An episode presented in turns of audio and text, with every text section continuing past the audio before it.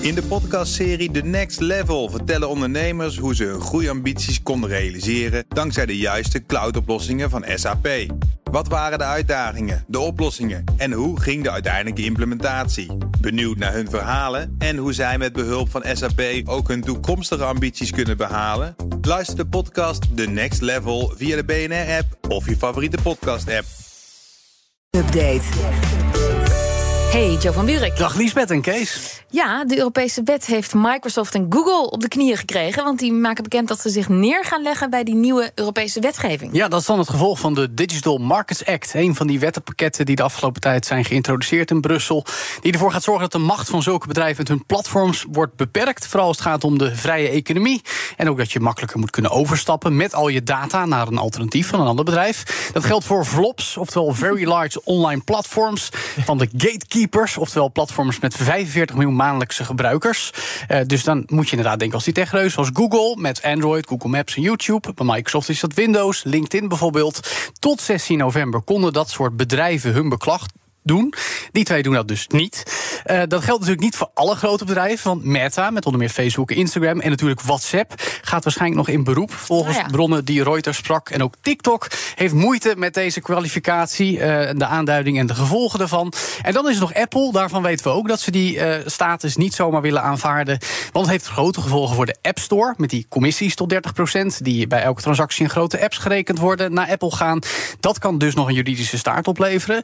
Maar zelfs dan nog, Lisbeth, moet Apple vanaf 6 maart in het nieuwe jaar aan de regels voldoen. Dat gaan ze in principe ook doen, hebben ze al aangegeven. Maar er blijft nog genoeg om over te steggelen. Maar had jij het verwacht? Want dit zijn toch wel twee grote techbedrijven dat die zich neerleggen? Nou, Google heeft sowieso een beetje de laatste tijd een beleid van we gaan liever meewerken dan tegenwerken. Want daar zien ze meer benefit van. Microsoft heeft zich gewoon een keer gruwelijk gebrand met Internet Explorer een jaar of twintig geleden.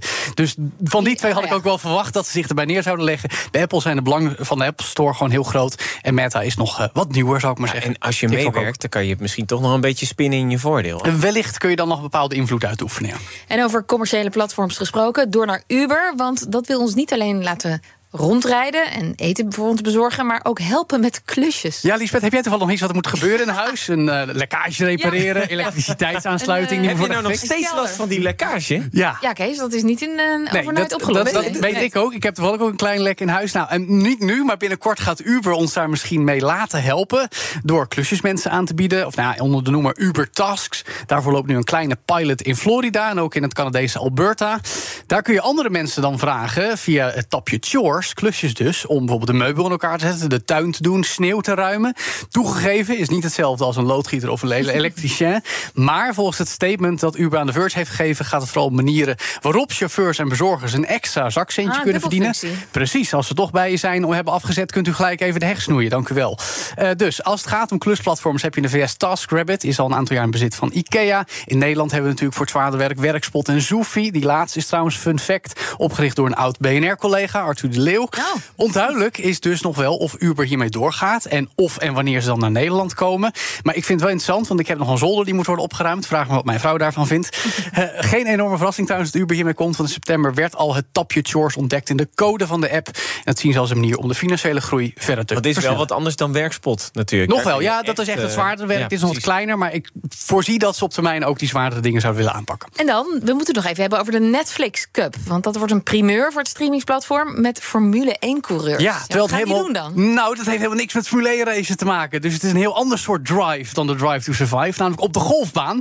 Swing to survive, zeggen ze ook wel al in het persbericht. Golftoernooi dus. Met onder meer coureurs Carlos Sainz Jr. en Lando Norris. Niet Max Verstappen. Nee, want dat is toch helemaal geen golfer? Nee, dat klopt. Eh, Die was trouwens in Qatar trouwens wel al een bal- balletje aan het slaan. Michael Blok, een van de beste golfers van het moment. Maar er zijn altijd andere topgolfers aan wie dan Sainz en Norris gekoppeld worden. Eh, De nummers 9 en 7 van de wereld.